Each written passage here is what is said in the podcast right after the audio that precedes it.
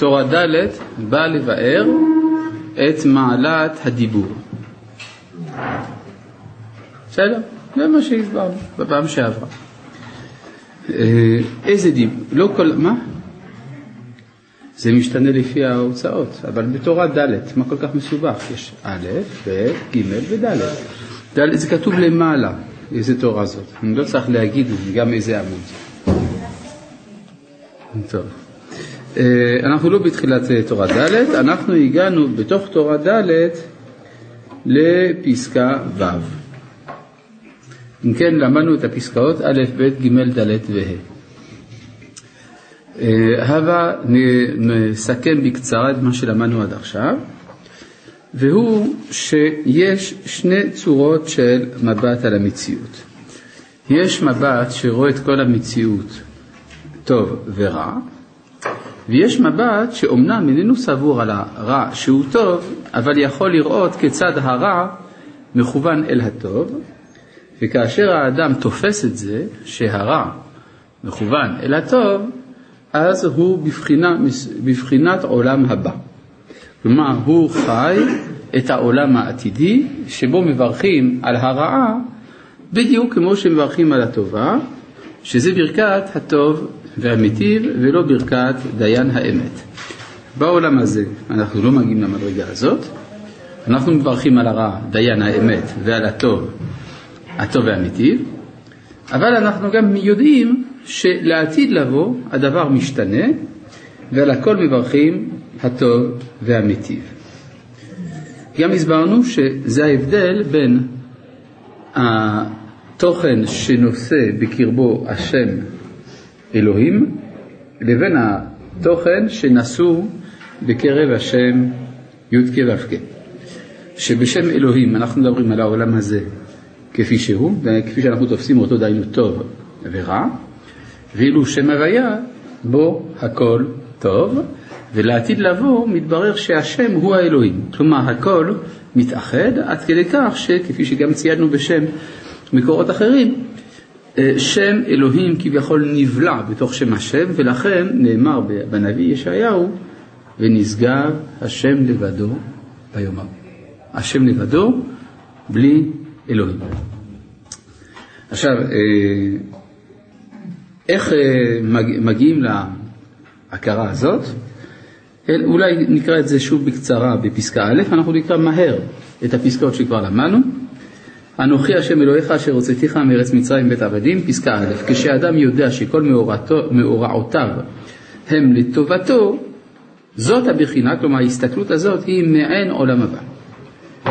כמו שכתוב, בשם אהלל דבר, באלוהים אהלל דבר. וזאת הבחינה היא מן עולם הבא, כמו שאמרו חז"ל, ביום ההוא יהיה השם אחד ושמו אחד, ויקשו וכי העידנא כמה עכשיו הוא אחד, ותרצו חז"ל, העידנא כעת מברכין על הטובה, הטוב והמיטיב, ועל הרעה דיין האמת, ולעתיד כולו הטוב והמיטיב, שיהיה שם השם ושם אלוהים אחדות אחד. וזאת הבחינה אי אפשר להשיג אלא כשמעלה בחינת מלכות דקדושה מהגלות מבין הגויים. כלומר, אה, העולם כפי שאנחנו רואים אותו אה, כעת, נגיד, בימיו של רב נחמן, הוא עולם רע. עולם שבו יש תערובת של טוב ורע, עולם שבו הרשעים שולטים. בעולם כזה, כנסת ישראל נמצאת בגלות, השכינה נמצאת בגלות, ולכן צריך, כדי להגיע למבט שהוא מעין העולם הבא, כלומר מבט שבו מתברר שהכל הוא בבחינת הטוב והמיטיב, צריך לצאת מן הגלות, צריך להוציא את השכינה מבין הגויים. אה, איך עושים את זה? אז כמובן, הדבר, הדרך הכי טובה, הטובה ביותר, סליחה, הדרך הטובה ביותר היא לצאת בפועל מהגלות, וזה עשה הרצל ואחריו בן גוריון, אה, שלוחי דרחמנה. אבל מה עושה האדם כשהוא נמצא במצב של גלות בכלל? אז הוא צריך להוציא את עצמו מבין הגויים, איך הוא עושה את זה? על ידי שהוא אה, מעלה את המלכות לקדושה מהגלות מבין הגויים. מה פירוש הדבר? שצריך בשביל זה לפתוח את הדיבור. כן, הדיבור, כש, כשיש גלות, עיקר הגלות היא על הדיבור, כאשר הדיבור נגאל, הדיבור משתחרר, אז יש בחינה מסוימת של עצמאות של האדם מהשלטון של הקליפות, ואז מבחינה מסוימת כנסת ישראל יוצאת מבין השליטה של העכו"ם. אחרי כל האמירות האלה נקרא את זה שוב בפסקה, וזאת הבחינה, אי אפשר להשיג אלא כשמעלה בחינת מלכות וקדושה מהגלות מבין הגויים, כי עכשיו המלכות והממשלה לגויים, ובשביל זה נקראים עובדי אלילים שלהם, עבודת אלילים שלהם בשם אלוהים. כן, הרי למה העבודות זרות נקראות גם כן אלוהים? אלוה, לא יהיה לך אלוהים אחרים על פניי, משמע שהם נקראים אלוהים. כי יונקים מבחינת מלכות הנקרא אלוהים, כמו שכתוב אלוהים מלכי מקדם, וכשמעלין בחינת מלכות מבין הגויים, אז נתקיים כי מלך כל הארץ אלוהים. אז איך עושים את ההעלאה הזאת? ואי אפשר להשיג המלוכה, להשיב המלוכה לקדוש ברוך הוא אלא על ידי וידוי דברים לפני תלמיד חכם. כלומר, הווידוי דברים לפני תלמיד חכם מעלה את מדרגת הדיבור של האדם, ומתוך כך הוא יכול גם להיפגש עם ריבונו של עולם, ואז הוא משוחרר מעול הגויים. על ידי זה מתקן ומעלה בחינת מלכות לשורשה, וזהו פירוש, ככו עמכם דברים. וזהו וידוי, דברים, זהו בחינת מלכות כמו דבר אחד לדור, דבר לשון מנהיג ומושל. כלומר, כאן יש משחק כפול של המילים, דבר זה מלשון דיבור, דבר זה מלשון מלכות. כיוון שזה אותן מהותיות, אז אנחנו מבינים שיש איזשהו יחס אסוציאטיבי בין הדיבור לבין המלכות. מלכות השם הכוונה. ושובו אל השם, כן, מה? לא הסברנו אה, בשיעור שעבר מה זה וידוי דברים?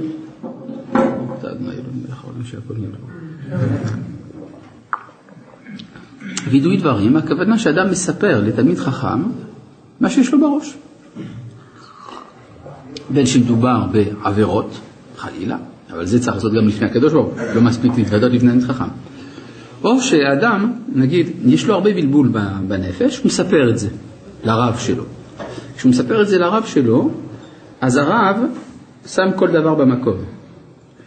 ההרגשה הזאת, התחושה הזאת, המעשה הזה, הדיבור הזה, המקום שלו זה פה, זה שם וכו'. כלומר, הוא בונה מחדש את הפאזל.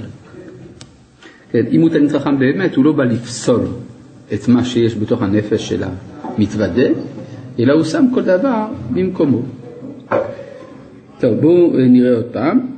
כלומר, על ידי וידוי דברים לפני תלמיד חכם מתגלה הדיבור בישרותו. כי סתם דיבור הוא עשוי להיות דיבור עקום, מקולקל, מסובך, מפותל, אבל אחרי הווידוי דברים לפני תלמיד חכם, הדיבור מתיישר. וזה מה שנאמר, ושובו אל השם, שיתקנו ויעלו את הדברים, את בחינת מלכות, בחינת אלוהים, אל השם. כלומר, וקחו עמכם דברים, בחינת מלכות, ושובו אל השם, שזה בחינת לעתיד לבוא, היינו כנ"ל, בהשם מעלה לדבר, באלוהים מעלה לדבר, היינו שידע שכל מאורעותיו כולם לטובתו, ויברך על כל הדברים הטוב והמיטיב. וכשידע כל זאת נקרא ידיעה שלמה. כלומר, בעולם הזה הידיעה היא ידיעה חלקית. עצם זה שאני רואה שיש דברים טובים ודברים רעים, זאת ידיעה, אבל לא ידיעה שלמה. כי הידיעה השלמה היא גם ראיית צד האחדות שיש בין הטוב לבין הרע, המאורעות הטובים והמאורעות הרעים.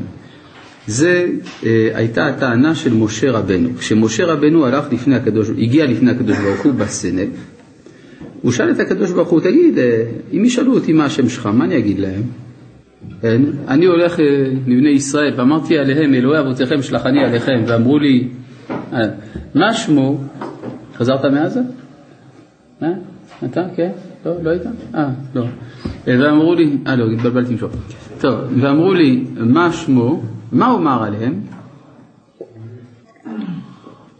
ואז השם אומר לו, תגיד להם שקוראים לי י"ק ו"ק. מה זה י"ק ו"ק? מידת הרחמים, נכון? אז משה הולך מבסוט, הוא אומר, אם הגאולה תהיה במידת הרחמים, זה יהיה קל. אם הקדוש ברוך הוא היה עונה לי שקוראים לו אלוהים, אז הייתי מבין שזה במידת הדין. ואז הייתי מבין שהגאולה תהיה קשה. אבל עכשיו שהקדוש ברוך הוא אומר לי שזה י"ק ו"ק במידת הרחמים, הולך מכאן לפרעה. מה קורה? דווקא אחרי שמשה ואהרון התחילו לפתוח את הפה, פרעה מקשיח את השעבוד. יותר קשה, לא תקבלו אה, תבן, ותוכן לבנים תיתנו. ובני ישראל אה, מתעצבנים על כך, והשוטרים מוכים, ויוכו שוטרי בני ישראל.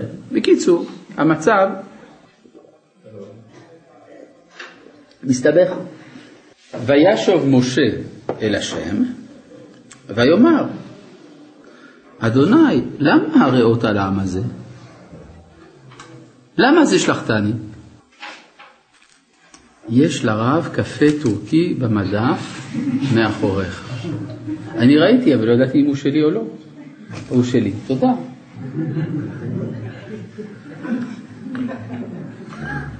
בסדר. טוב. אז כן, רגע. שאלה על משה, בנושא הזה, השם אומר למשה לפני שהוא הולך לפרעה, שהוא הולך לחזק את לב פרעה. שהוא הולך, אתה תיגע כן. לפרעה ואני אחזק את לבו. אמנם יחזק את לב פרעה, אבל לא שהשעבוד יהיה יותר קשה. אבל זה משתמע מכך, לא? אם יחזק את לב פרעה, אומר שלא תקבל. משה לא הבין ככה, משה אמר, אם אתה שלחת אותי במידת הרחמים, זה צריך להיות קל, גם אם פרעה מתעצבן. לכן אומר, אדוני למה ראה אותה. שם הוא משתמש בשם אדנות, א' ד' נ' י', שזה שם של מידת הדין הקשה. אז הוא אומר, למה זה, למה הרעות לעם הזה? למה זה? שלחתני. ומאז באתי אל פרעה לדבר בשמך הראה לעם הזה. מה פירוש בשמך? לא, בשם הוויה, שלחת אותי בשם הוויה. אז מאז באתי אל פרעה לדבר בשמך, שזה מידת הרחמים, הראה לעם הזה, והצלו הצלת את עמך. כלומר, אם היית אומר לי מידת הדין, בסדר, אבל אתה אמרת לי מידת הרחמים, באתי לדבר בשמך. עד כאן הקושייה של משה. ויאמר השם אל משה, אתה תראה אשר אעשה לפרעה, כי ביד חזקה ישלחם, וביד חזקה יגרשם מארצו. וידבר אלוהים אל משה. ויאמר אליו, אני השם. מה הוא אומר לו? כשאמרתי לך שאני י"ק ו"ק לא הבנת. חשבת שזה או רחמים או דין. ככה זה עובד אצלך. אני התכוונתי לומר לך שמי שאומר לך את הרחמים הוא בעצמו בעל מידת הדין. וידבר אלוהים אל משה, ויאמר אליו אני השם. כלומר, גילוי מידת הרחמים זה בא לגלות שלכל יש משמעות. ומכיוון שלכל יש משמעות, זה צריך להתחיל גם מדברים קשים. וזה צריך להיות, אם כן, שהשעבוד יהיה יותר קשה, כדי שיתגלה עומק הרחמים דווקא מתוך הדין. בסדר? אז זה גם מה שאומר כאן רב נחמן, כן, וקחו עמכם דברים ושובו אל השם. קחו עמכם דברים, דברים, כלומר מידת אלוהים, ושובו אל השם, כלומר תשיבו את זה אל שם הוויה. שיתקנו ויעלו את הדברים, את בחינת מלכות, בחינת אלוהים, אל השם. היינו כנ"ל, בהשם מעלה דבר, באלוהים מעלה דבר, היינו שידע שכל מאורעותיו כולם לטובתו ויברך על כל הדברים הטוב והאמיתיים. וכשידע כל זאת, נקרא ידיעה שלמה.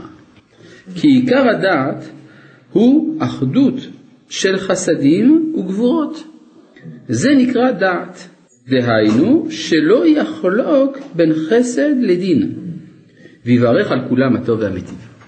כלומר, מידת הדעת האמיתית היא המידה שמאחדת את, ה, אה, שמאחדת את המידות.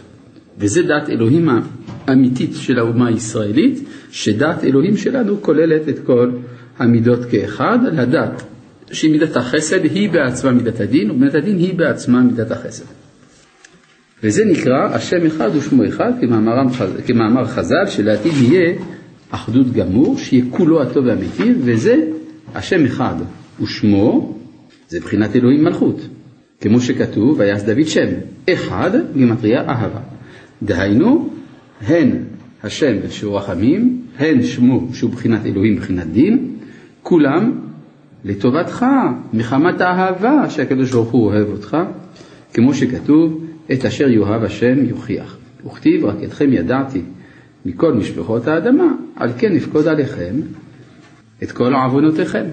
זה אם כן, אה, אם נסכם מה שראינו עד עכשיו, על מנת להגיע למדרגת הכרה שבה רואים שהטוב והרע כולם מכוונים לטובה, צריך בשביל זה להעלות את מידת המלכות לקדושה מבין הגויים, דהיינו לאחד את מידת הדין עם מידת הרחמים, את בחינת אלוהים עם בחינת השם, והדבר הזה נעשה על ידי וידוי דברים לפני תלמיד חכם. כי מה עושה הווידוי? הווידוי מוציא את הצירופי אותיות שנדבקו בעצמותיו, בעצמות של האדם מכוח עבירותיו, מוציא אותם החוצה. כן, זה מה ש... והופך אותם שוב לצירופי קדושה. הנה, הוא מסביר את זה, ועוונותיו של אדם הם על עצמותיו. כמו שכתוב, ותהי עוונותם חקוקה על עצמותם. כלומר, העצמות של האדם הן נושאות בקרבם את העבירות שלו. מובן? כן. רק במחשבותיו, בראש שלו, זה בסדר? אם אדם עושה תשובה רק בראש בלי וידוי, האם זה בסדר? זאת שאלתך? תשובה, לא. כאילו, בוא נגיד, הוא בן מאה והוא מת, הוא לא, אף פעם לא עשה וידוי בזה. הוא בן מאה והוא מת, כאילו, והוא אף פעם לא עשה וידוי. האם זה בסדר, אתה שואל? כאילו, אם הוא הוא, אה, חזר בתשובה בראש, אז כשהוא מגיע, הוא עשה תשובה בראש, כן, נו ו... אז אה, אין לזה שום משמעות? אני לא אמרתי שאין לזה שום משמעות. לא. זו שאלה חדשה. שאלת אותי לפני כן אם זה בסדר, התשובה היא לא. האם אין לזה שום משמעות? יש לזה משמעות.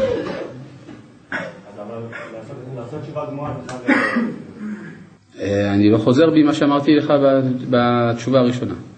לכן אם אתה שואל פעם שנייה זה לא, זה לא ישנה את דעתי. כן. אם- לעתיד לבוא אנחנו אומרים להבין שהכל יהיה לטובה, נו. אז כל דבר, במחשבה כזאת, כל דבר שהוא רע, אז אין תגובה שלילית מצידי לזה, נכון? לעתיד לבוא? כן. לעתיד לבוא לא. אז אם אנחנו מנסים להתקרב לזה בעולם הזה, בזמן הזה, אז כל עוד שאנחנו יותר מתקרבים, אנחנו אמורים להיות פחות, אה, אה, אמורים להיות פחות תגובות אה, שליליות איתנו? לא. בעולם הזה הרע הוא רע. כיוון שהרע הוא רע צריך להתנגד לו. מה התגובה כאילו רגשית נגיד? אה, תגובה רגשית לרע כרע, זה צריך ממש להזדעזע כשאתה רואה רע, אתה לא יכול להישאר בשקט. זה חלק מהמבחן שלך. לראות שזה רע, אז איך אפשר? ראית פעם רע בעולם? אולי לא מספיק, לא יודע, אני מקווה שלא תראה יותר. אבל כשיש רע זה מזעזע, כן? תגיד, נו. אני מניח שהרב מתכוון כשאומר וידוי, זה גם וידוי שלשם הגויים בתפילה, וזה גם הווידוי של תלמיד חכם כמו שאמר. אתה מניח שהווידוי כאן זה גם ישבנו בגדנו בתפילה וגם וידוי לפני תלמיד חכם. לא. לא? אז זה רק... אה, כן, זה מה שהוא אומר, תראה, אנחנו מאוד עיקשים. אנחנו, מה שכתוב, את זה אנחנו מבינים. וכתוב כאן על וידוי לפני תלמיד חכם, לא על וידוי לפני השם. שזה- איך אדם יודע מה האיכות מהכמות של וידוי שצריך להגיד, ואיפה הוא עומד על הסקאלה של... אה, לא יודע, לא יודע, כיוון שהוא לא מדבר איתי על זה, אני לא יודע. אני יודע רק מה שהוא כותב, כן, נו. לא לא איך הוא כן. כן, אבל זה לעתיד לבוא, לעתיד לבוא, הכל זה הסתכלות אחרת. מה? כן, מה? מה, לעתיד לבוא, כשאדם רואה את הרע, הוא מיד יראה את הטוב שבזה, יגיד טוב.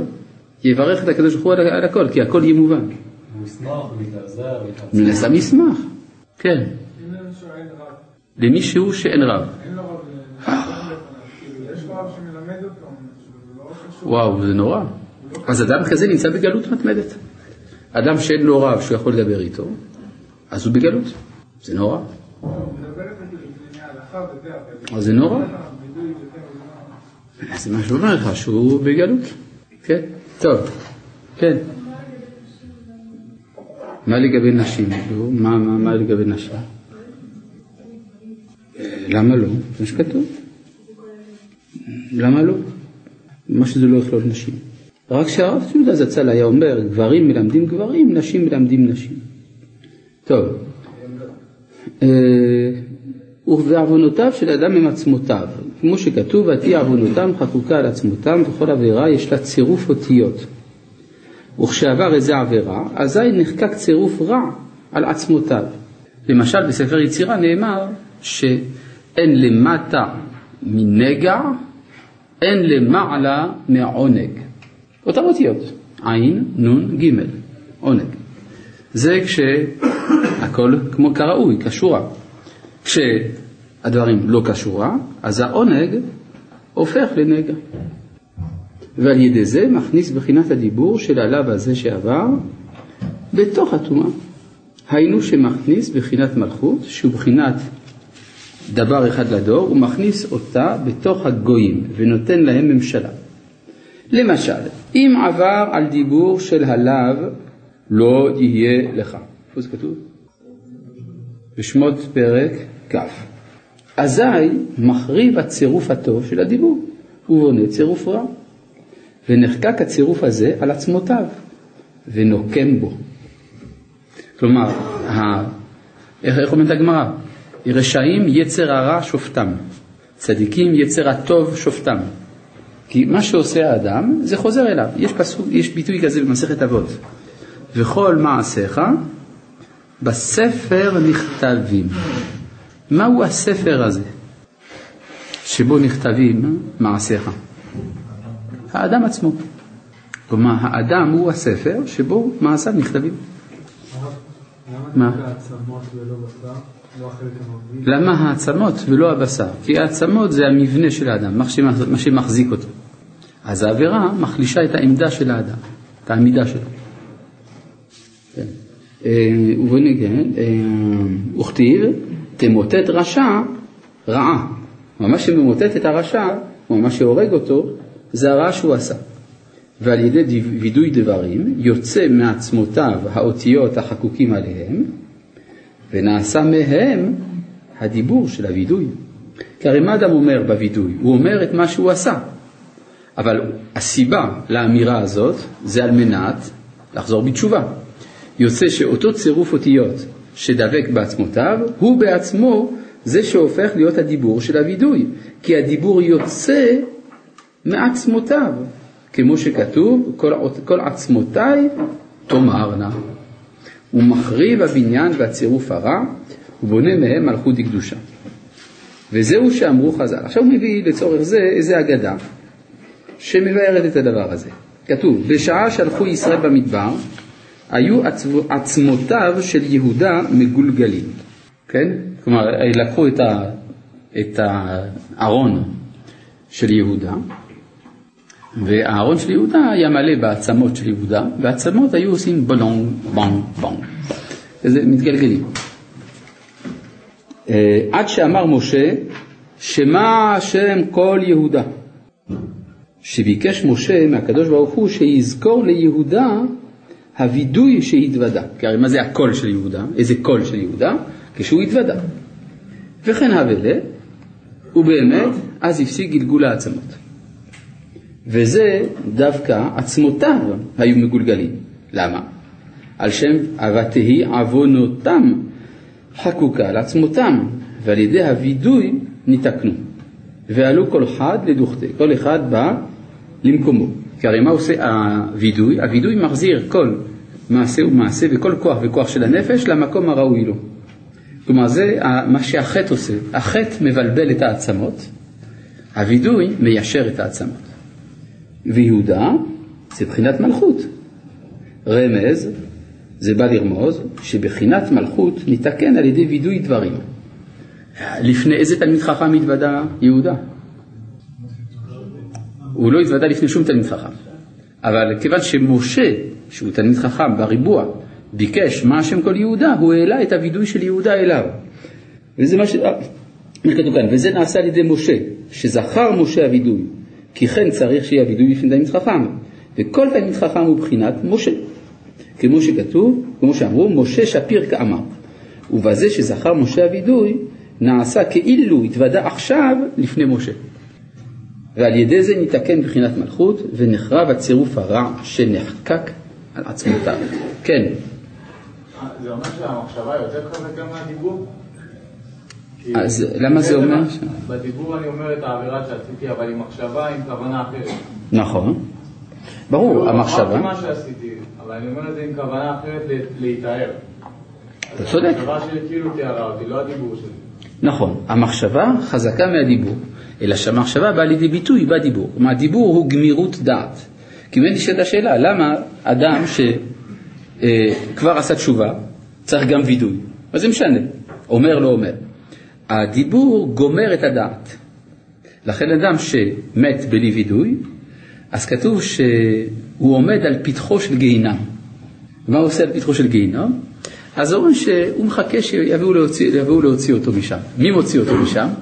הגמרא אומרת, כל האומר, אמן יהא שמי רבה בכל כוחו, מצננים לו גיהינם.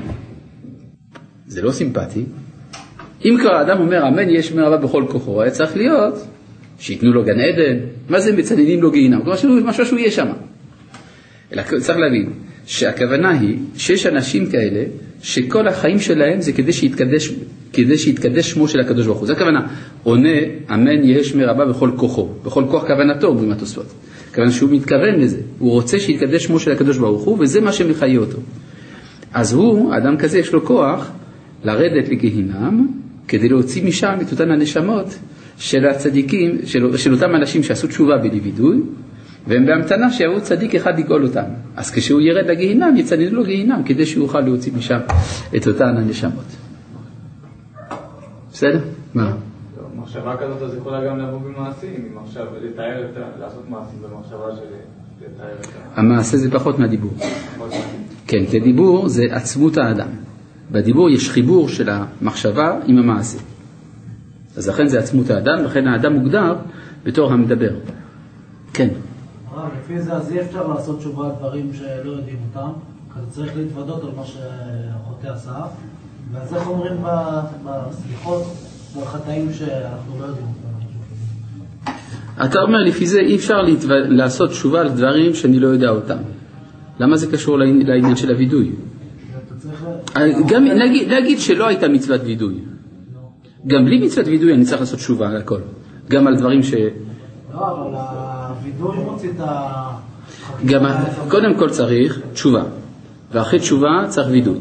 בכל מקרה יש לי בעיה, איך אני יכול לעשות תשובה על עבירות שאני לא זוכר, איך אני יכול להתוודות על עבירות שאני לא זוכר. זה שתי שאלות. כן, אבל אתה מבין שזה לא קשור למה שהוא אומר כאן, זה לא בגלל שיש וידוי שיש קושי. גם אם לא היה וידוי, היה קושי, איך אפשר לעשות בתשובה על עבירות שאני לא יודע. נכון? אתה מבין שהשאלה לא קשורה לשאלה של הווידוי. אז מה? היא קשורה גם לווידוי, אבל השאלה היא בכלל על התשובה. איך אני יכול לעשות תשובה על עבירות שאני לא זוכר? כן? מה התשובה? אי אפשר. אני לא יכול לעשות תשובה על עבירות שאני לא זוכר, אבל אני יכול להשתדל. להשתדל באופן כזה שגלוי וידוע לפני הקדוש ברוך הוא, שאם הייתי זוכר הייתי חוזר עליהם בתשובה. זאת המשמעות של, זה המש, המשמעות של המשפט שאומרים בתפילה. בעת שגלויים לנו ועת שאינם גלויים לנו. כן. כן. האם אין בזה משהו, מה? ראייה נוצרית. של הווידוי. למה? הנוצרים הולכים לכומר, אומרים מה שהם אומרים, נו ואז, הכומר, מתוודעים לפני הכומר, ואז מה? כביכול אה, מתפטר להם כל ה... ואז מתכפר להם הכל. נו, מה זה קשור למה שאנחנו אומרים פה? לא, מה פתאום? מה פתאום? אין שום קשר בין מה שהנוצרים אומרים למה שכתוב כאן. אפילו לא מתחיל להיות קשר. כי הווידוי אצלנו הוא בא בעקבות התשובה. פה ב- בנצרות הווידוי לא מצריך את התשובה. הווידוי אצלם הוא חלק מהכפרה, לא חלק מהתשובה. בסדר, זה הבדל עצום. אין מה להשוות בכלל. כן. האם גם כלפי הקדוש ברוך הוא הווידוי צריך להיות בדיבור? תשובה, כן. כן, טוב. מה? תשובה כללית. האם מה? האם יש וידוי על תשובה כללית? זו השאלה שלך? כן, יש גם וידוי על תשובה כללית. יש רמב"ן מאוד מעניין בפרשת אה, וילך. אולי אפשר לראות את זה בפנים. הנה. אומר הרמב"ן בפרשת וילך.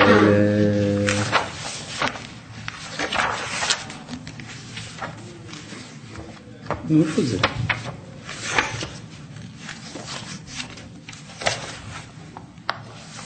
נו. כן, יש פסוק כזה, בפרשת וילך פרק ל"א, אה, פסוק ט"ז, ויאמר השם אל משה, הנך שוכב עם אבותיך, וקם העם הזה, וזנה אחרי אלוהי נחם הארץ, אשר הוא שמה בקרבו, ועזבני, והפר את בריתי, אשר קראתי איתו. וחרה אפי בו ביום ההוא, ועזבתי, והסתרתי פניי מהם והיה לאכול, ומצאו רעות רבות וצרות. נפלא, לא? לא, מה נפלא? שהנוסחה עובדת. אתם מתנהגים לא בסדר, יש עונשים. מצוין. לפחות החוזה מקוים. ואמר ביום ההוא, הלא על כי אין אלוהי בקרבי מצאוני הרעות האלה. איך קוראים לאמירה כזאת? תשובה. מה ההמשך? ואנוכי הסתר אסתיר פניי ביום ההוא על כל הרעה אשר עשה, כי פנה אל אלוהים אחרים. זה כבר לא עובד. התחילו לעשות תשובה, ומה עושה הקדוש ברוך הוא? במקום לקבל אותם בזרועות פתוחות, באהבה, ואנוכי אסתר אסיר פניי. הכיצד? אומר הרמב"ן, וטעם ואנוכי אסתר אסתיר פניי, אסתיר פניי פעם אחרת, כי בעבור שהרהרו ישראל בליבם, כי חטאו לאלוהים, ועל כי אין אלוהיהם בקרבם מצאו מהרעות האלה, היה ראוי לרוב חסדי השם, שיעזרם ויצילם, שכבר כפרו בעבודה זרה. וכעניין שנאמר, הנני נשפט אותך על אומרך, לא חטאתי. ולכך אמר, כי על כל הרעה הגדולה שעשו, לבטוח בעבודה זרה, יסתיר עוד פנים מהם. לא כמסתר פנים הראשון שהסתיר פני רחמיו ומצאום רעות רבות וצרות, רק שיהיו בהסתר פני הגאולה. כלומר, הקדוש ברוך הוא יביא הסתר פנים נוסף בזמן הגאולה, שפני הגאולה יהיו מוסתרים. מעניין. למה? ויעמדו בהבטחת פני רחמיו, ואף גם זאת בהיותם בארץ אויביהם לא מעשים ולא גאלתים, עד שיוסיפו על החרטה הנזכרת וידוי גמור ותשובה שלמה. כמו שנזכר למעלה, ושבת עד השם אלוהיך וגומר. כלומר, תהיה תשובה של העם, אבל תהיה תשובה בלי וידוי. אם כן, יש תשובה כללית, בלי וידוי, ואז יש הסתר פנים נוסף, כדי שיבוא גם הוידוי.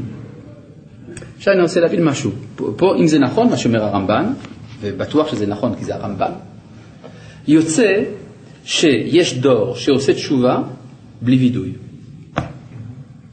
מה פתאום? למה שמישהו, אם כבר עושה תשובה, שגם לא יוסיף את הווידוי, וגמרנו, זה הרי זה כזה פשוט, להגיד עשינו ככה וככה וזהו. כי כנראה יש דור שלא מסוגל להגיד וידוי. כי מה זה וידוי? איך מתוודים? מה? אמירה, איך, איפה? אין ערך לדיבור. לא. מה אומרת ההלכה? מה זה וידוי? זה וידוי, זה וידוי דברים, שאדם אומר שהוא חטא, נו איפה הוא עושה את זה? מה?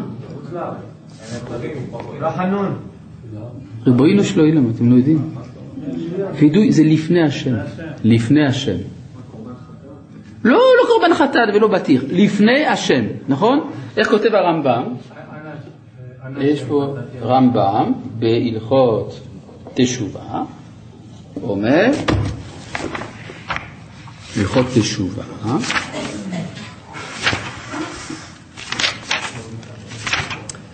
אה, כשיעשה תשובה וישוב מחטאו, חייב להתוודות לפני האל, ברוך הוא. שנאמר, איש או אישה כי יעשו מכל חטאות האדם והתוודו את חטאם אשר עשו, זהו וידוי דברים, וידוי זה במצוות עשה, כיצד אומר, אנא השם חטאתי אביתי פשעתי לפניך, ועשיתי כך וכך וכו'. זאת אומרת שהווידוי מניח מעמד נפשי שהאדם עומד לפני השם. אוקיי? למה הדור של הגאולה לא יכול לעמוד לפני השם? לא יודע מי זה השם. כי הוא לא מאמין בשם. הוא עושה תשובה בלי להאמין בשם. זה מעניין, מה שאומר הרמב"ן. יש דור שלם, הוא עושה תשובה, אבל לא לפני השם. לכן הוא לא יכול לעשות וידוי. לפי זה זה נקרא תשובה. איך עושים תשובה כזאת? מקימים את מדינת ישראל, זה בדיוק העניין של לעשות תשובה. מה זה לעשות תשובה? ושבת עד השם אלוהיך, ושמעת בקולו, מסביר רש"י, הכוונה שתשוב לארץ ישראל, נכון? אז זאת אומרת שיש דור שלם עושה תשובה, הוא חוזר לנורמליות הטבעית שלו, לבריאות הלאומית שלו אחרי אלפיים שנות גלות, ועכשיו, אבל הוא עוד לא יודע שהוא צריך לעמוד לפני השם, ולכן הוא לא עושה וידוי. לכן יש הסתר פנים נוסף, כדי שידע מי השם. הבנתם? כן, בבקשה. לא הבנתי. אז הרמב"ם אומר בהלכות תשובה שמתוודעים לפני הקדוש ברוך הוא. נכון. לא, הלכה? לא, זה לא קשור בכלל. אני אחזור לשאלה שלך. אתה אומר, הרמב"ם אומר שצריך להתוודות לפני הקדוש ברוך הוא. ורב נחמן, לפי שאלתך, אומר שצריך להת- להתוודות לפני תלמיד חכם.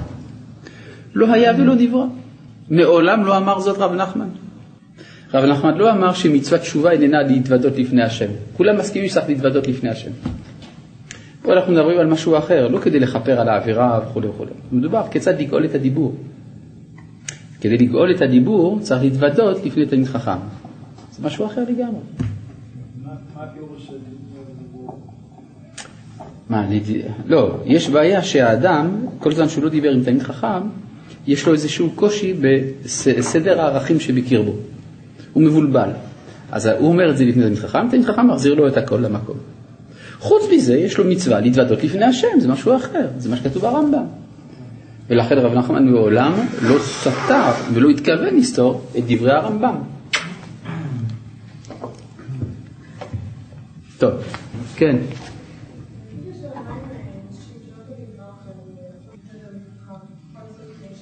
אני אמרתי לפני חמש דקות שהרב ציודה אמר שנשים מלמדות נשים וגברים מלמדים גברים.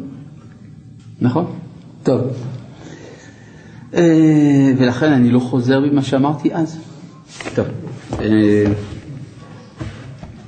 וזה, הווידוי הזה, בחינת החזרת המלכות. עכשיו אנחנו מתקדמים לפסקאות שטרם למדנו. וזה בחינת החזרת המלכות לשורשה. כי שורש המלכות הוא אש. למה מלכות זה אש? מלכות זה אש. אתם יודעים מה זה מלכות? מלכות זה אש. לא, באמת. האש מכלה, האש מחממת. כלומר, המלכות, כלומר, הכלי הפוליטי, הוא לוקח ברצינות את החיים. ובחיים יש הרבה בעיות. המלכות מתמודדת עם הקשיים שיש בעולם הזה. אז אש. זה לא כזה נעים. יש משטרה, יש צבא. גם מלכות השם מתמודדת עם כל הקשיים העובדתיים, המסובכים של חיי העולם הזה. אם כן, המלכות זה אש. איפה מצאנו דימוי בין המלכות לבין האש? הוא מביא כאן איזה מקור, כמו שאמרו חז"ל, למה טעה נבט. כן, נבט היה אביו של רובם בן נבט. ושמו האמיתי היה שבע בן בכרי. והוא מרד במלכות בית דוד, והוא חשב שהוא יהיה מלך במקום דוד. למה הוא חשב שהוא יהיה מלך במקום דוד?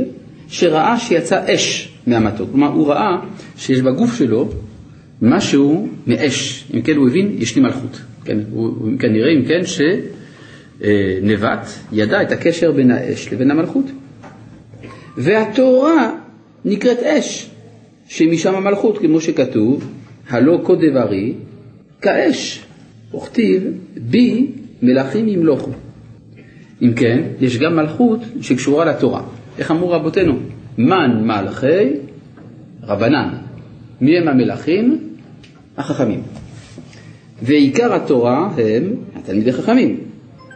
כמו שאמרו חז"ל, כמה טיפשי, כמה הם טיפשים, דקיימה מקמא ספר תורה, אלה שעומדים לפני ספר תורה, ולא קיימה מקמא צורבה מדרבנן, ואינם קמים לפני תלמיד חכם. וזהו, כל דבר אשר יבוא באש, תעבירו באש. מה זה דבר? זה בחינת מלכות, שנמשך בתוך הטומאה, בתוך חמימות היצר, כמו נורה בי עמרם. יש פה טעות דפוס, כתוב נורה בעמרם, בית יוד ה', אבל הנוסח האמיתי זה בית יוד, בלי הה. בית יוד, אצלי כתוב בית יוד ה', אז זה טעות, נכון? אצלי זה טעות, צריך להגיד נורה בי עמרם. מה? למה פעמיים יוד? יש אצלכם שני יהודים? אצלך יש שני יהודים? מה? אחד, מי אמר שניים? אצלך יש שני יהודים? אה, יש רק אחד, אז למה אמרת שניים? נורה בעמרם, נכון? מה זה נורה בעמרם? זה סיפור מזעזע שכתוב במסכת קידושין, בסוף מסכת קידושין, על עמרם, רבי עמרם חסידה. רבי עמרם חסידה, כפי שאתם מתארים לעצמכם, היה חסיד. אחלה חסיד, כן?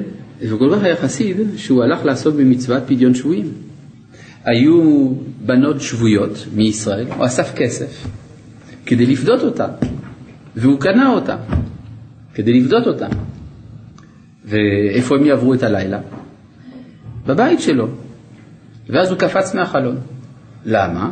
אמר נורה בעמרם, כלומר הרע שיש לו יצר הרע, צעק, יש אש בביתו של עמרם. כולם באו, אמרו, מה קרה, מה, יש שרפה? אמר להם, מוטב להתבייש שעה אחת מאשר לחטוא לפני הקדוש ברוך הוא. זאת אומרת שיצר הרע, מה? מה? סולם, לא? הוא קפץ בסולם? לא זוכר. לא. הם היו בעליית הגג. אה, כן, הם היו בעליית הגג שלו, כן? והוא היה למטה. כן, כלומר בקיצור, מה שאנחנו רואים שם זה שיצר הרע נקרא אש. אז הוא, הזיק את הכבאים, לא? הזיק את הכבאים, אמר, אה, חבר'ה, נו רע בעמרם. אז אה, מכאן אנחנו רואים שהאש זה כינוי למלכות, זה כינוי לתורה, זה כינוי לתלמיד חכם, זה כינוי ליצר הרע. כן? ארבעה דברים נקראים אש. אז מה הוא אומר כאן? כל דבר אשר יבוא באש, תעבירו באש. זאת אומרת, כל דבר, כלומר מלכות שנקראת דבר, הגיע אל האש, כלומר אל היצר הרע, תעבירו באש, כלומר צריך להעביר אותו לתלמיד חכם, וידוי דברים לפני תלמיד חכם ואז הוא יצא מזה. כן תעבירו באש, תיקונו על ידי אש, היינו וידוי דברים לפני תלמיד חכם כנ"ל. וזה לשון עבירה, שהצירוף של עבירה עובר בתוך עצמותיו, מעבר אל עבר. הרי מאיפה, מה, מה זה שם הפסוק הזה? כל דבר אשר יבוא באש תעבירו באש, מדובר על הגעלת כלים. שדבר שמשתמשים בו באש, למשל שיפודים או אסקלאות, אז איך מכשירים אותם? על ידי אש. מה זה? אסקלאות זה הרשת שעליה צולעים בשר. בישראל חז"ל זה נקרא אסקלה, כן? טוב, אז איך מכשירים דבר כזה? הנה, בסוף המילואים עושים על האש, החבר'ה, מה עושים עם הרשת? צריך להעביר אותה באש, נכון? תמיד אני מקבל בסופי מילואים, טלפונים, חבר'ה רוצים לעשות על האש, מה עושים עם הרשת? כן. אה, וזה לשון עבירה, שהצירוף של עבירה עובר בתוך עצמותיו, לכן צריך לעשות הגעלה. כלומר, הפעולה של הווידוי זה בדיוק כמו ההגעלה, שמוציאה את מה שנבלע בתוך העצמות החוצה. כן, מעבר אל עבר, ומצווה לשון התחברות, כשעושה חבילות חבילות של מצוות. אזי נתחברו שברי עצמותיו, כמו שכתוב, שומר כל עצמותיו. אחת מהנה לא נשבר. אה, אז אם כן, טוב, כל זה בעצם לא חידש הרבה, כלומר, זה רק היה הדגמה מתוך המקורות למה זה וידוי דברים לפני תלמיד חכם. וזה פירוש, הנה עכשיו הוא מביא לנו עוד הדגמה לרעיון הזה. חמת מלך מלאכי מוות. זה פסוק במשלי, נכון? חמת מלך מלאכי מוות. כלומר, כשהמלך מתרגז, זה הורג. כן? לא כמו סתם בן אדם שמתרגז, שזה לא עושה הרבה נזק, אבל אם המלך כועס, אז גם יש אנשים שנהרגים בגלל זה, נכון? אז חמת מלך מלאכי מוות. כי חמתו של הקדוש ברוך הוא, כן, עכשיו מי זה המלך? זה הקדוש ברוך הוא. למה הוא מתרגז, הקדוש ברוך הוא? בשביל המלכות שהשפיל על ידי עוונותיו. כן? ואיש חכם יכפרנה, זה המשך הפסוק. היינו בחינת תלמיד חכם, בחינת משה, הוא יכפר לו, כמו שכתוב, ועובר על פשע לשארית. ועובר על פשע לשארית. מה זה לשארית? למי שמשים עצמו כשיריים. עכשיו אנחנו מתחילים להבין מה הסוד של התלמיד חכם. כלומר, מדוע התלמיד חכם, יש לו הכוח הזה, שכשמתוודים לפניו, אז יש אה, הוצאה של צירופי העבירות שנדבקו בעצמות. אבל זה שיריים. אז זה מה שהוא יסביר. זה מה, ש... זה מה שקראנו, נכון? כן, זה מה שקראנו, אבל אני עוד לא הסברתי, לכן אתה לא יכול לדעת. אני עוד מעט אסביר, אז אה, לפי זה הכל יהיה ברור. כן. אה, כלומר, איך זה שאם אני הולך לתלמיד חכם, זה עוזר לי? מה הסוד של התלמיד חכם? הסוד של התלמיד חכם זה הענווה.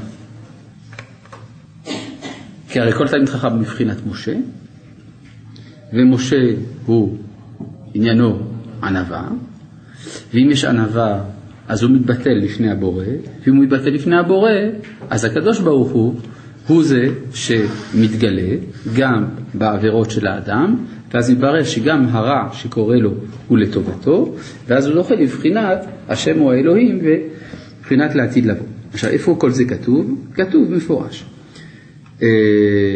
וכמו שכתוב במיכה, ועובר על פשע לשארית. מי זה שארית? מי שמשים עצמו כשיריים. מה זה שיריים? שאריות. כן? כמו בל... אה, בגדים בלויים, זה נקרא שיריים. אז אה, אדם שמשים את עצמו כבגד בלוי, זה הכוונה שיריים, אתה ששאלת, שמעת עם הכיפה, כן? אה, שיריים, אז כמו ש... זה ביטוי של ענווה, כמו שכתוב, נמצא כשבא לפני תלמיד חכם הוא מוציא כל צירופיו לפני התלמיד חכם, והתלמיד חכם הוא משה שמשים עצמו כשיריים. כמו שכתוב והאיש משה ענב מאוד, ועל ידי זה נקרא איש חכם. כמו שכתוב, כן, איך אנחנו רואים שיש קשר בין הענווה לבין החוכמה? שנאמר, והחוכמה מאין תימצא. כלומר, מה גורם לאדם שיש לו חוכמה? זה שהוא שם את עצמו כעין. כלומר, כל זמן שיש גאווה, אין חוכמה באמת. יש אה, לפי זה שני סוגי חוכמה בעולם. יש חוכמה של גאווה, יש חוכמה של ענווה. החוכמה של גאווה איננה חוכמה באמת, החוכמה של ענווה היא חוכמה באמת. איפה מצאנו חוכמה של גאווה? אצל היוונים. איפה מצאנו חוכמה של ענווה? אצל היהודים. פירוש הדברים. אצל היוונים מצאנו שרבם של כל הפילוסופים, הלא הוא סוקרטס, היה מדמה את עצמו למיילדת, נכון? אימא שלו, סופרוניסקה, הייתה מיילדת. והוא אמר, אימא שלי הייתה מיילדת גופים, ואני מיילד נפשות. הכיצד? אני שואל שאלות לתלמידים שלי, ועל ידי השאלות שאני שואל אותם, הם יוצאים מן הכוח אל הפועל, ואז אני כאילו מיילד אותם. יפה, לא? אלא שזה גאווה. יוצא לפי זה שמי המקור, מי המקור של, של שלמות נפשי? המורה שלי, הרב שלי. יוצא לפי זה שמתי אדם יחשב לחכם גדול אצל היוונים? אם יש לו הרבה תלמידים. תראה כמה הוא גדול, תראה כמה באים לשמוע אותו. סימן שהוא סופר חכם. כן, זה הגדלות של המורה אצל הפילוסופים. בישראל, מתי אדם נחשב לחכם? כשהוא תלמיד חכם. כלומר, הוא תלמיד של חכם, או לשון הרמב"ם, תלמיד חכמים. כלומר, תראה כמה הוא גדול, תראה ממי הוא למד. יוצא לפי זה שמי המיילד פה? התלמיד. הוא המיילדת של הרב שלו. כלומר, כאילו בדרך הרב עובר תוכן שהוא לא שייך לרב בכלל. זה רק עובר דרך הרב, והתלמיד ממשיך את חוכמתו של הרב. וזה מה שאמרו מתלמידה יותר מכולם. לכן כתוב, ויאמר מלך מצרים אל המיילדות העבריות, המיילדות, כתוב שם בלי ו', ה' מ' י' ל' ד' ת', בעוד שהיינו מצפים שיהיה כתוב ו' ת'. אז המיילדות בלי ו' זה אותיות התלמיד. כן? אז המיילדות העבריות, כלומר בעם ישראל, מי שמיילדת זה התלמיד. הוא המיילדת של רבו. וכדי שזה יהיה אפשרי, חייבת להיות אם כן ענווה. אם אין לרב ענווה, אז הוא מייחס את החוכמה לו. ואז יוצא שמה שהוא מעביר זה כבר לא תורה, זה פילוסופיה. מובן? ולכן פה, כדי שביטוי דברים יהיה אמיתי, הוא צריך להיות לפני תלמיד חכם שיש לו ענווה. ואז יוצא שמה שעובר דרך התלמיד חכם איננו דברי התלמיד חכם, אלא דברי השם שעוברים דרכו. אז זה מה שכתוב כאן, ובזה יש כוח לתלמיד חכם לכפר, כמו שנאמר, ואיש חכם יכפרנה, ובשביל זה, כשהתפלל משה על חטא העגל, אמר. עכשיו פה יש דרשה שלמה של רב נחמן כדי להסביר בעצם מה הייתה הטענה של משה כדי לכפר על חטא העגל. הוא אמר לקדוש ברוך הוא, אם אתה לא תכפר, אם אתה לא תסלח לעם על מה שהם עשו, יגידו שאני לא תלמיד חכם. כי עובדה שהם סיפרו לי מה שהם עשו, ואתה לא מוכן לוותר. הסימן שאני פילוסוף, לא נביא. זה לא שווה. לכן הוא אומר ככה, ובשביל זה כשהתפלל משה על חטא העגל אמר, אם תישא חטאתם ואם אין מחנינה. כי זה מן הנמנע שלא יבוא לאדם איזה גדלות כששומע שמספרים שבחו. כל שכן, כלומר אדם שאומרים עליו, שמע, אתה... טוב, בסדר. כלומר, יבוא אדם ויאמר, אה, אה, כלומר, אדם אומרים עליו איזשהו שבח. תשמע, אתה נפלא, אתה בזה טוב מאוד. קצת גאווה יש, נכון? לא יכול להיות שלא. יכול אומר, מן, מן הנמנע שלא יבוא לאדם איזה גדלס. גדלס, בלשון של אה, רב נחמן הכוונה גאווה, כן? כתוב כאן גדלות, אבל גדלות הכוונה בז'רגון של אה, האווירה הזאת, גאווה. כששומע שמספרים שבחו. כל שכן, כשמלך גדול משבח ומפאר את האדם. כלומר, סתם אדם ברחוב אמר עליי משהו טוב, יש לי כבר גאווה. אם מלך גדול אמר עליי משהו גדול, אז יש לי עוד יותר גאווה. אזי בוודאי מן הנמנע שלא יבוא לו איזה גדלס. אבל צריך לזה ביטול כל הרגשותיו וחומריותיו, ואז יכול האדם לשמוע שבחו, ולא יבוא לו שום גדלות, כמו משה רבנו. כלומר, אם אדם יש לו ענווה אמיתית, הוא מסוגל לשמוע שבחו, ובכל זאת לא להתגאות. כן. אמרת גדלס זה במבטא יידיש, נכון? נכון. באנגלית זה חסר אלוהים. Godless, אה יפה, Godless, חסר אלוהים. נפלא, זה ההוכחה שיהדות אמת. יפה, כן. שראה, עכשיו, ולא יבוא שום גדול, כמו משה רבנו, הרי איך משה רבנו התמודד עם זה? שראה כתוב בתורה, וידבר השם אל משה. כלומר, משה הוא קורא בתורה, ומה הוא רואה שכתוב? וידבר השם אל משה. וואו, זה לא סתם מלך גדול, זה ריבונו של עולם, מדבר עם משה. איך משה לא יתגאה אחרי דבר כזה?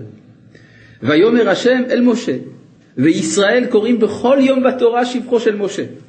ומשה ידע שיקראו בתורה. והוא בעצמו מספר להם שבחיו.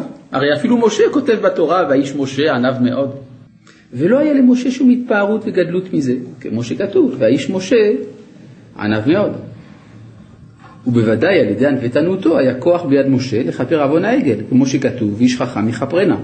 וזהו שטען משה, ואם אין, היינו, אם לא תישא חטאתם, בזה אתה מראה שאין לי כל כך עניבות, שאוכל לכפר להם עוון העגל בכן בקשתי, מכן הנה.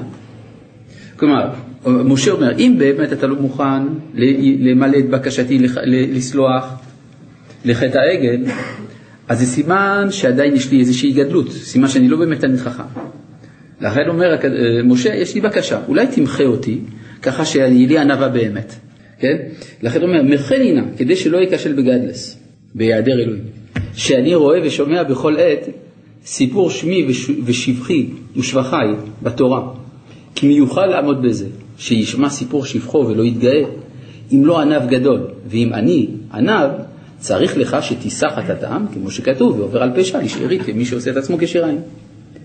וזהו, ויהי בישורון מלך, היינו שמלכות עלה לשורשה, כמו שכתוב, והענבים ירשו ארץ, וארץ ידינה למלכותה, כמו שכתוב, וארץ מתקומם עליו. כלומר, מה שעולה כאן, זה שמשה הוא האב טיפוס של התלמיד חכם האמיתי, והוא חייב אם כן לבטל את עצמו לחלוטין, כי אם הוא לא יבטל את עצמו לחלוטין יוצא שאין לו חוכמה, ואם אין לו חוכמה הוא לא יכול לשמוע וידוי דברים ולתקן את דברי השומע, ואז מילא הוא לא יכול להוציא מעצמותיו את צירופי עוונותיו שנמצאים דבוקים בעצמותיו. ואז יוצא שהוא לא מחבר את אלוהים אל, אל השם, ואז יוצא שאין אה, אפשרות לצאת, להעלות את המלכות משורשה, אל שורשה, מבין העכו"ם. עד כאן החלק הראשון. נמשיך בעזרת השם, כל זאת ועוד בפעם הבאה.